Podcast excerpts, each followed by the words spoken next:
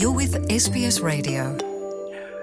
ክቡራት ሰማዕትና ሰማዕቲ ሬድዮ ስቤስ ሎሚ ዕዱም ኣለኒ ዶክተር ይፍዳ ኣምላክ ተስፋ ማርያም በራኺ ንሱ ቀደም ኣብ ኣስመራ ደም ባንክ ዳይረክተር ዝነበረ እዩ እጂ ሎሚ ኣብ ኣሜሪካ እዩ ዝነብር የቀኒለይ ዶክተር ይፍዳ ኣምላክ ግዜኻ ከፍ ኢልካ ምሳና ብዛዕባ ሞያኻ ከነዕልል ስለ ዝፈቐድካ የቐንየለይ። ኣነ እውን የቐንየለይ ነዚ ዓቢ ነገር ንህዝቢ ክኸውን ኢልካ ሓሲብካ ዝዓደምካኒ ክብረት ኣብካ። ብዙሕ ግዜ ማለት ሓኻይም ክንሓስብ ከለና ብዛዕባ ሳይንስ ጥራይ እዮም ዝፈልጡ እዩ ዝበሃል ኣብዚ ቁሩብ እዋን ግን ክርእየካ ከለኹ ኣብ ፌስቡክ ትጽሕፎ ኣገዳሲ ጽሑፋት ምስ ባህሊ ኣተኣሳሲርካ ጥዕናን ስነልቦናን ንመስሓቕ ዝብሉን ካልእ ባህላዊ ልምዳዊ ምስኡ ከዓ ምስ ሳይንስ ኣቃሚምካ ክትፅሕፍ ከለካ ርእየካ ኣለኹ እሞ እዚ ካበይ መፅኡ ናይ ምፅሓፍ በቲ ሓደ ወገን በቲ ሓደ ወገን ድማ እቲ ባህላዊ ነገር ወይ ልምዳዊ ነገር ናይ ኣቦታትና ናይ ቀደም ዝነበረ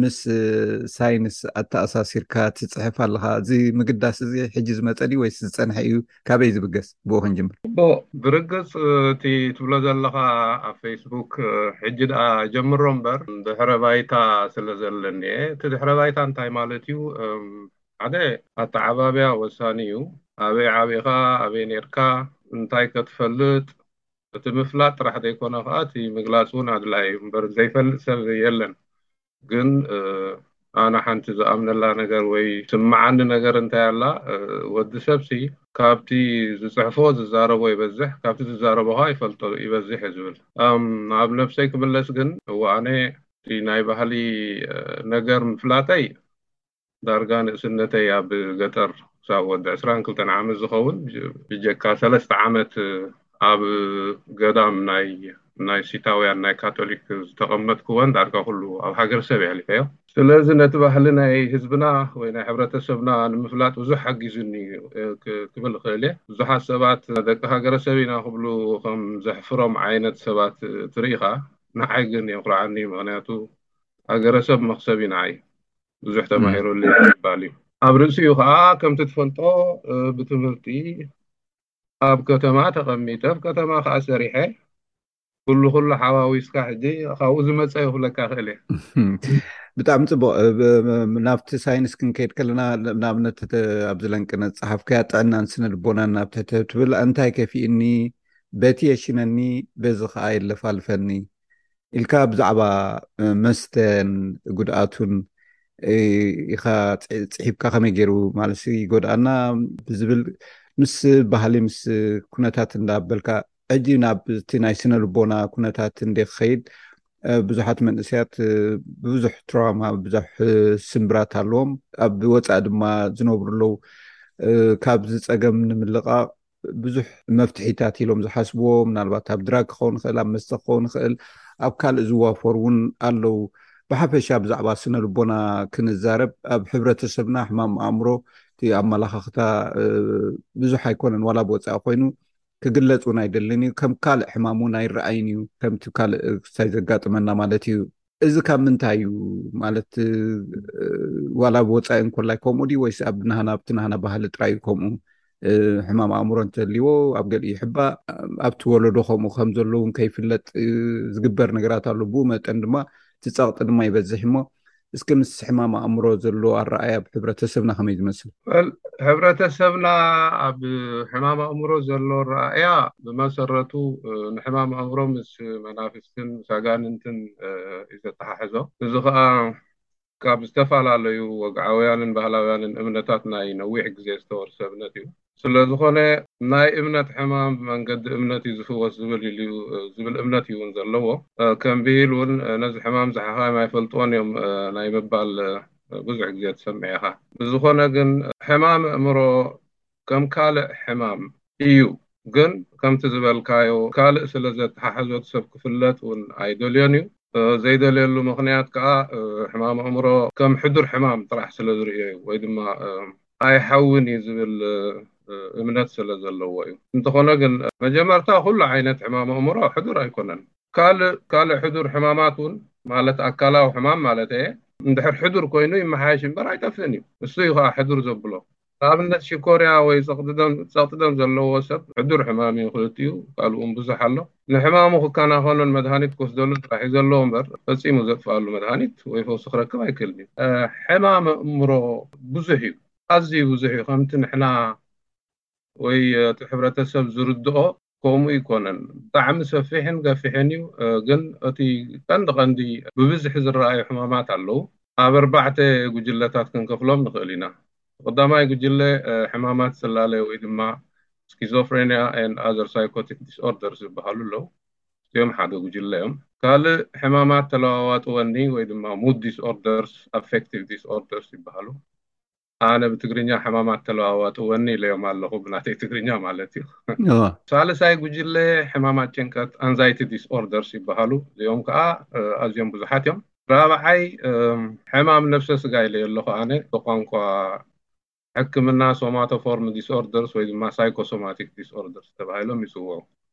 ካብዚኣቶም ህዝብና ከም ሕማም ኣእምሮ ዝወስዶም ወይ ድማ ዝፈልጦም እቲ ውጹእ ጽላለ ዝበሃል ወይ ድማ ስኪዞፍሬንያ ወይ ድማ ሳይኮቲክ ዲስኦርደርስ ኣብኦም እዩ እምበር እቲ ካልእ ከም ሕማም ኣእምሮ ኣይወስዶን እዩ። ንኣብነት ከምዚ ዝበልክዎ ሕማም ነብሰ ስጋ ንብሎ ከምዚ በዓል ቆለ፣ ትግርትያ፣ ሕማም ቡዳ፣ ጠቢብ ወዘተርፈ ዝብሉ ዓይነት ሕማማት ከም ሕማም ኣእምሮ ኣይወስዶምን ህዝብና። ግን ከምኡ የለን ድዩ ማለት ኣቋርፀካ ማለት ብጋኔን ሒዝዎ ተባሂሉ ፈቐዶ ማጨሎት ይውሰድ ኣሎ ካልእ ከምኡ ማለት ምስ መንፈሳዊ ነገራት ዝተሓሓዝ ሕማም የለን ድዩ ወይስ ኩሉ ኣብ ምስ ኣእምሮ ኢና ክነተሓሕዞ ንኽእል ሕጂ እንታይ እዩ ክልተ ነገር እዩ በቲ ሓደ ወገን ጋኔን ማለት መንፈሳዊ ነገር ኮይኑ ናብ ከም ፅላለ ክትሓስቦ ትኽእል በቲ ሓደ ወገን ድማ ናይ ኣእምሮ ሕማም ክነሱ ምስ መንፈሳዊ ነገር እውን ምትሓሓዝ ኣሎ እሞ ብከምኡ ድማ ኣይ እዚ ጋኔን ሒዝዎ ተባሂሉ ናብ ፈቐዶማ ጨሎት ወይ እውን ብፀሎት ክፍወስ ዝግበረሉ መገድታት ኣሎ ስለዚ ኣብዚ እንታይ ፍልልያት ኢና ክንርኢ ንኽእል እወ ሕጂ እንታይ እዩ ብእምነት ዝመፀ ሕማም ብእምነት ክትፍውሶ መቸም ትፅበዮ ነገር እዩ ድሕር ብእምነት መፅኡ ብእምነት ኢኻ ክትፍውሶ ትፍትን ፍሉጥ እዩ ብዝኾነ ግን ብሳይንሳዊ ወይ ብስነፍልጠታዊ መንገዲ ክግለጽ ከሎ ንኣብነት እዚ ክንብሎ ዝጸናሕና ዝተፈላለየ ሕማማት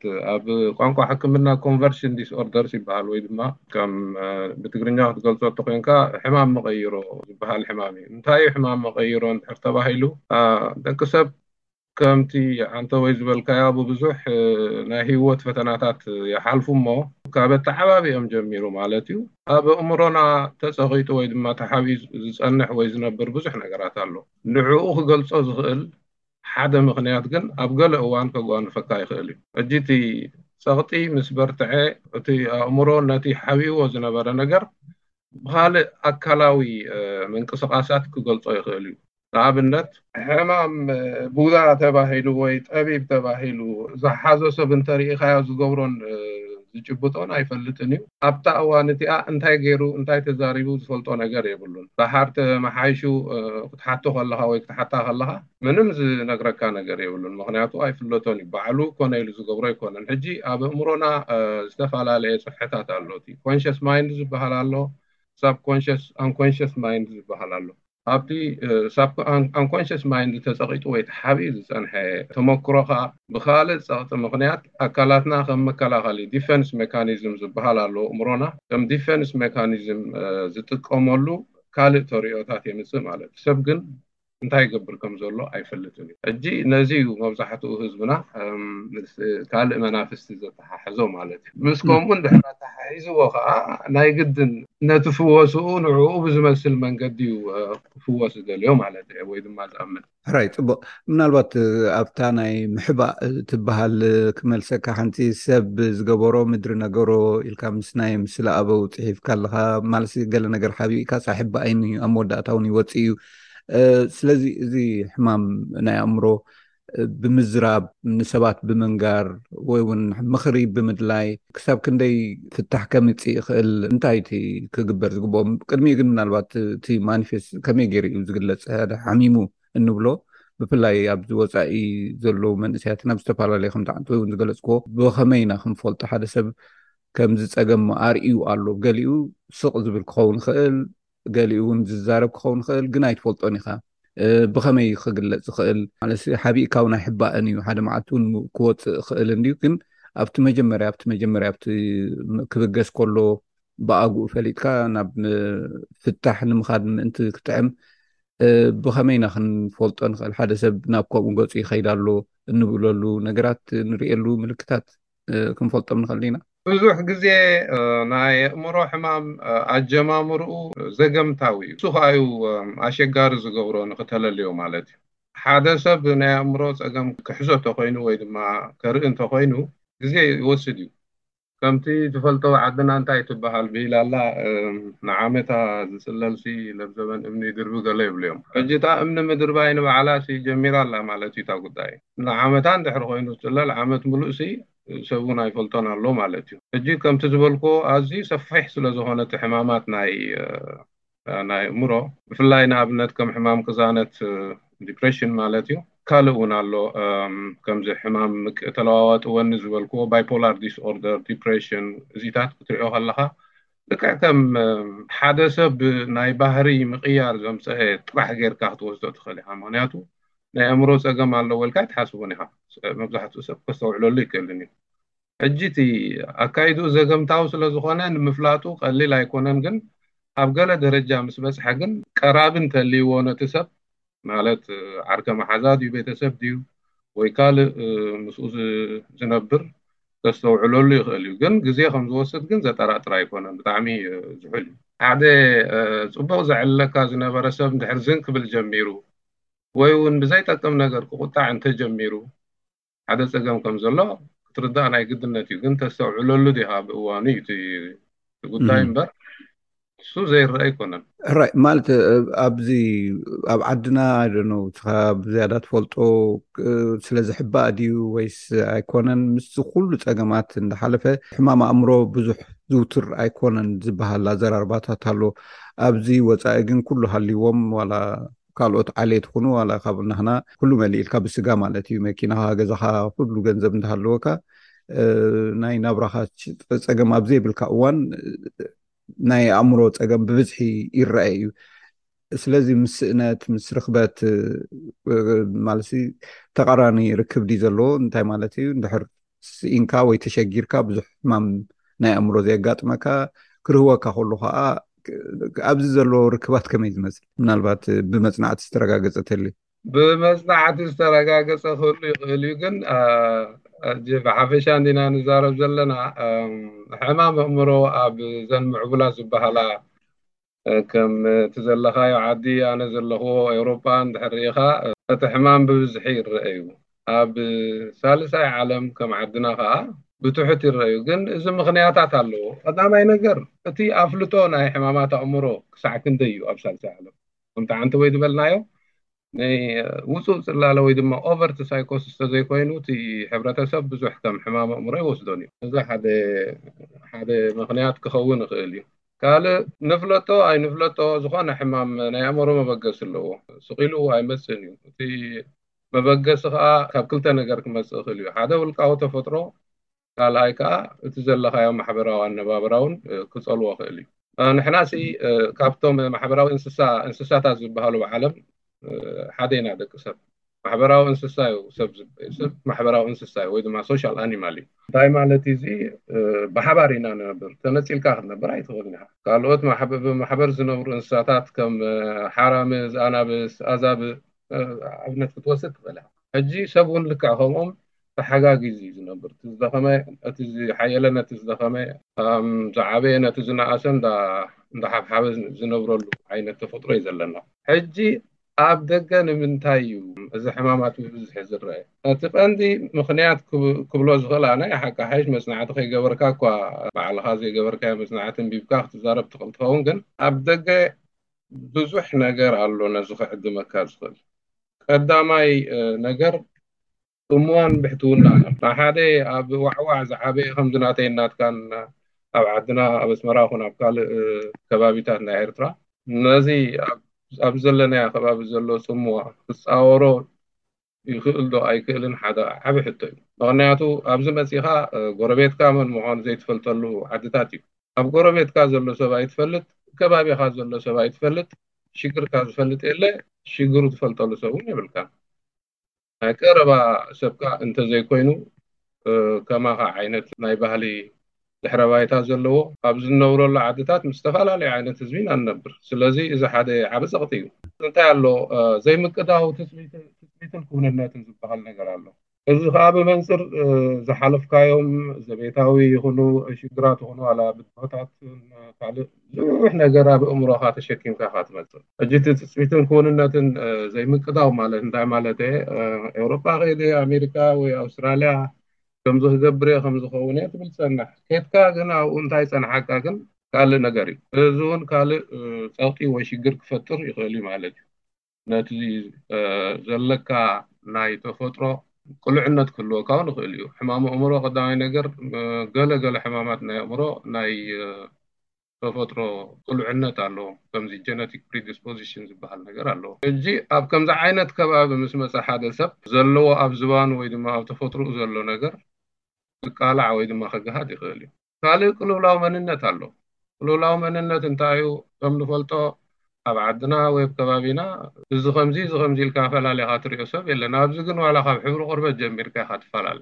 እዚ ንባዕሉ ካልእ ጸቕጢ ክፈጥር ናይ ግድን እዩ። ከም ራብዓይ ዝስመዓኒ ንዓይ ባህላዊ ቅልውላው ባህላዊ ቅልውላው እንታይ እዩ? ኣብ ዓድና ንኣብነት ሰብኣይን ሰበይትን ዘለዎም ዝምድና ኣብ ኣብዚ ንብሎ ዘለና ከባቢታት ዘለናዮ ዘሎ ናይ ሰብኣይን ሰበይትን ዝምድና ኣይቃረብን እዩ ሰማይን ምድርን እዩ። ዘይምቅዳው ነገራት ዘምጽእ ብዙሕ ነገራት ኣሎ። ብሰንኩ ከኣ እዩ ብዙሕ ግዜ ኣብ ፍትሕን ኣብ ባእስን ዝብጻሕ። ኣተሓሕዛ ቆልዑ ንላዕሉ ንባዕሉ ቆልዓ ኣብዚ ዓዲ ንኣብነት እንተደኣ ገለ ነገር ናይ መቕጻዕቲ ነገር ክትገብር ፈቲንካ ፖሊስ ጸዊዑ ውን ከእስረካ ይኽእል እዩ። እዚ ንባዕሉ ምስቲ ዝዓበናሉን ምስቲ ዝነበርናሉን ባህሊ ፈጺሙ ስለ ዘይቃዶ ካልእ ጸቕጢ ክፈጥር ይኽእል እዩ። ካልእ ደቅኻ ዓሰርተ ሸሞንተ ድዩ ዋላ ዕስራ ዓመት ምስ ገበሩ ገዲፎምኻ ክኸዱ ይኽእሉ እዮም። ከምኡ ስለ ዝኾነ ተኸበብ ማለት እዩ። ምሳኻ ኣዕቢኻዮም ኣምሂርካዮም ክንደይ ጌርካ ድሕሪኡ ግን ኣኺሉ'ዩ ዕድመ ተባሂሉ ገዲፎምኻ ከዱ፣ ሰብኣይን ሰበይትን ክልቲኦም ኣብ ገዛ ቁሊሕሊሕ ክብሉ ይጅምሩ ማለት'ዩ። እዚ ከኣ ምስቲ ባህልና ዝኸይድ ኣይኮነን። ንሕና ከምኡ ኣይኮናን፣ ብኸምኡ ኣይዓበናን። ከምቲ ዓንተቦይ ዝበልክዎ ኣነስ ኣብ ሃገረሰብ ዓብየ ተወሊደ። ሓደ ሰብ ተመርዕዩ ዳርጋ ንኽንደይ ዓመታት ኣብ ትሕቲ ስድርኡ ኣብ ኣፍደገ ገዝኦም ግድጊዳ ሰሪሑ'ዩ ዝነብር። ምስ ስድርኡ እዩ ዝነብር ኣብዚ ግን ከምኡ ዝበሃል የለን ስለዚ ብዙሕ ምክንያታት ክህሉ ይኽእል እዩ ነቲ ጸቕጢ ከምፅእ ዝኽእል ጸቕጢ እንተሃልዩ ከዓ ከምቲ ዓንቲ ወይ ዝበልክዎ ብፍላይ ኣብ ቀረባ እንተፀኒሕካ ኣብቲ ሕማም ገፅካ ክትከይድ ዝፅበዮ ነገር እዩ ብጣዕሚ ፅቡቅ ምናልባት ናይ መወዳእታ ፍታሕ ማለት ብፍላይ ኣብዚ ወፃኢ ዘሎ ሰብ ገሊኦም ከምቲ ዓንቶይ እውን ዝገለፅኮ ናብ መስተ ናብ ድራግ ናብ ካልእ ከም መህደሚ ገይሮም ዝቆፅርዎ ኩሉ ይኽእሉ ዩ እሞ እዚ ዘለዎ ኣብቲ ሳዕቤ ናብቲ ርእሲ ትሕማም ከምፆ ዝኽእል ነገራት እንታይ እዩ ኣብ ርእሲኡ ከ ከም ፍታሕ ንኣብነት ከምቲ ዝበለልካዮ ማሕበራዊ ክስታይ ስለ ዘለና እሱ ነቲ ሕብረተሰብ ዝጠቕሞ እዩ ኣብዚ ግን እቲ ናይ ምርኻብ ነገራት እውን ኣዝዩ ፀቢብ ስለ ዝኾነ እንታይ ዓይነት ማለት ብሜላ ክጥቀም ይኽእል ኣብዚ ብፍላይ ብወፃኢ ዝነብር ህዝቢ ካብዚ ዓይነት እዚ ፀገም ንምውፃእ ማለት እዩ እወ ንሱ እዩ ዘይሩ ዘይሩ እቲ ዕላልና ናብኡ ገጹ እንዲዩ ክኸይድ ሕጂ ምኽንያት ናይ ሕማምካ እንተፈሊጥካ ነቲ ምኽንያት ምእላይ እንዲዩ ዝከኣል ተኾይኑ ማለት እዩ ሕጂ በታ ጽምዋን ብሕትውናን ዝበልና ክንጅምር እሳ እታ ቀንዲ ጽምዋ ሲ ብሕትውና ፈቲኻ ትገብሮ እውን ክኸውን ይኽእል እዩ በይነይ ክኸውን እየ ክትብል ትኽእል ኢኻ እኳ ግን ፈቲኻ ኣይተምጽኦን ኢኻ ጽምዋ ማለት ዘዛርበካ ስኢንካ ወይ ዝዕለካ የብልካን ማለት እዩ ካልእ ዋላ ሓንቲ የብሉ ካብ ፅምዋ ክትሃድም እንተኮይኑ ግን ኣነ ብናተይ ኣረኣያ ማለት እዩ ብዝተካለ መጠን ምስ ዝመስለካ ሰብ ወይ ድማ ኣብ ርሑቕ ኣሃሉ ቀረባ ኣነ ንስኻን ኣብ ናይ ዓሰርተ ኣርባዕተ ሰዓት ፍልልይ ዘለዎን ዓድታት ኢና ንቕመጥ ዘለና ብዝኾነ በቲ ዘሎ ቴክኖሎጂ ግን ንራኸብ ኣለና እዚ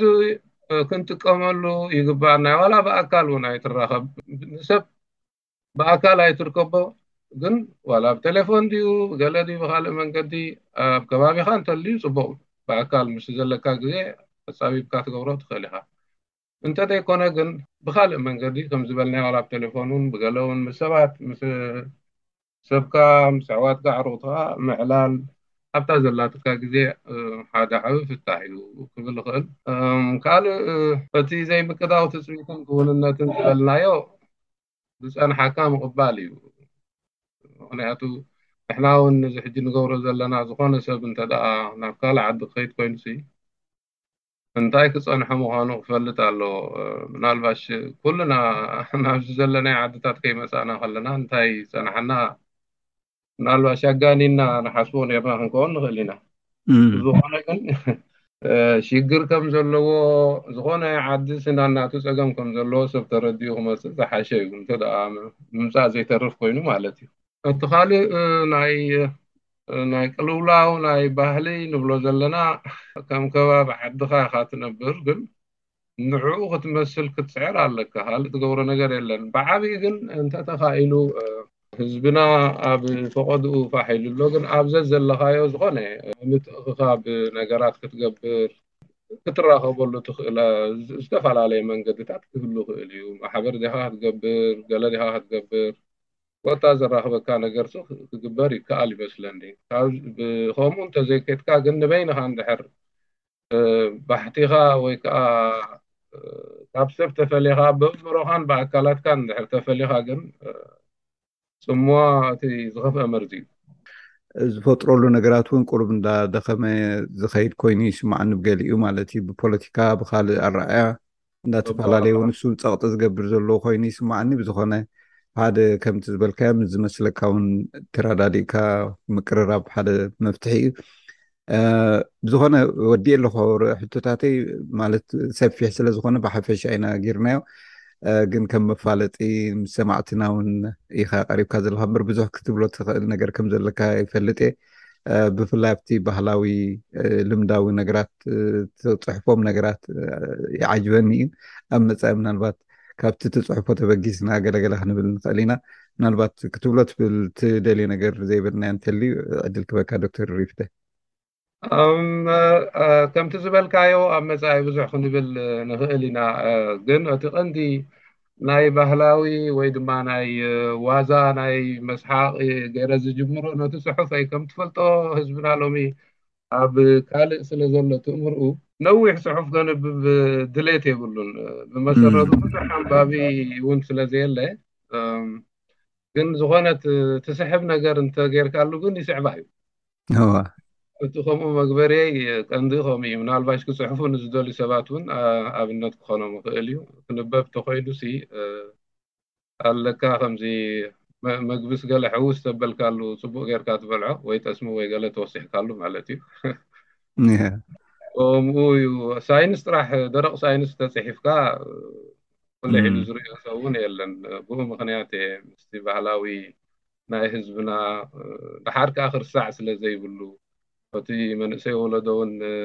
እንታይ ነይሩ ወለድና ከመይ ነይሮም እቲ ልቦና ናቶም ከመይ ነይሩ ክፈልጥ እውን በቲ ዓቕመይ ማለት እዩ ስለ ዝደሊ እየ ከምኡ ገይረ ዝፅሕፍ ኣብ መፃኢ ዝኾነ ርእሲ ወይ ዛዕባ ኣልዒልካ እንተ ኣቕሪብካኒ ጸገም የብለይን ጥራሕ ነቲ መንእሰይ ወለዶ ትምህርቲ ዝህብ ይኹን እምበር። የቐኔለይ ዶክተር ይፍዳ ኣምላክ ከምቲ ዝገለጽክዎ ናይ ደም ባንክ ዳይረክተር ዝነበረ ሕጂ ብሞይኡ ኣብ ኣሜሪካ ዝሰርሕ ዘሎ ሓውናይ ኣብ መጻኢ ከነዕልል ኢና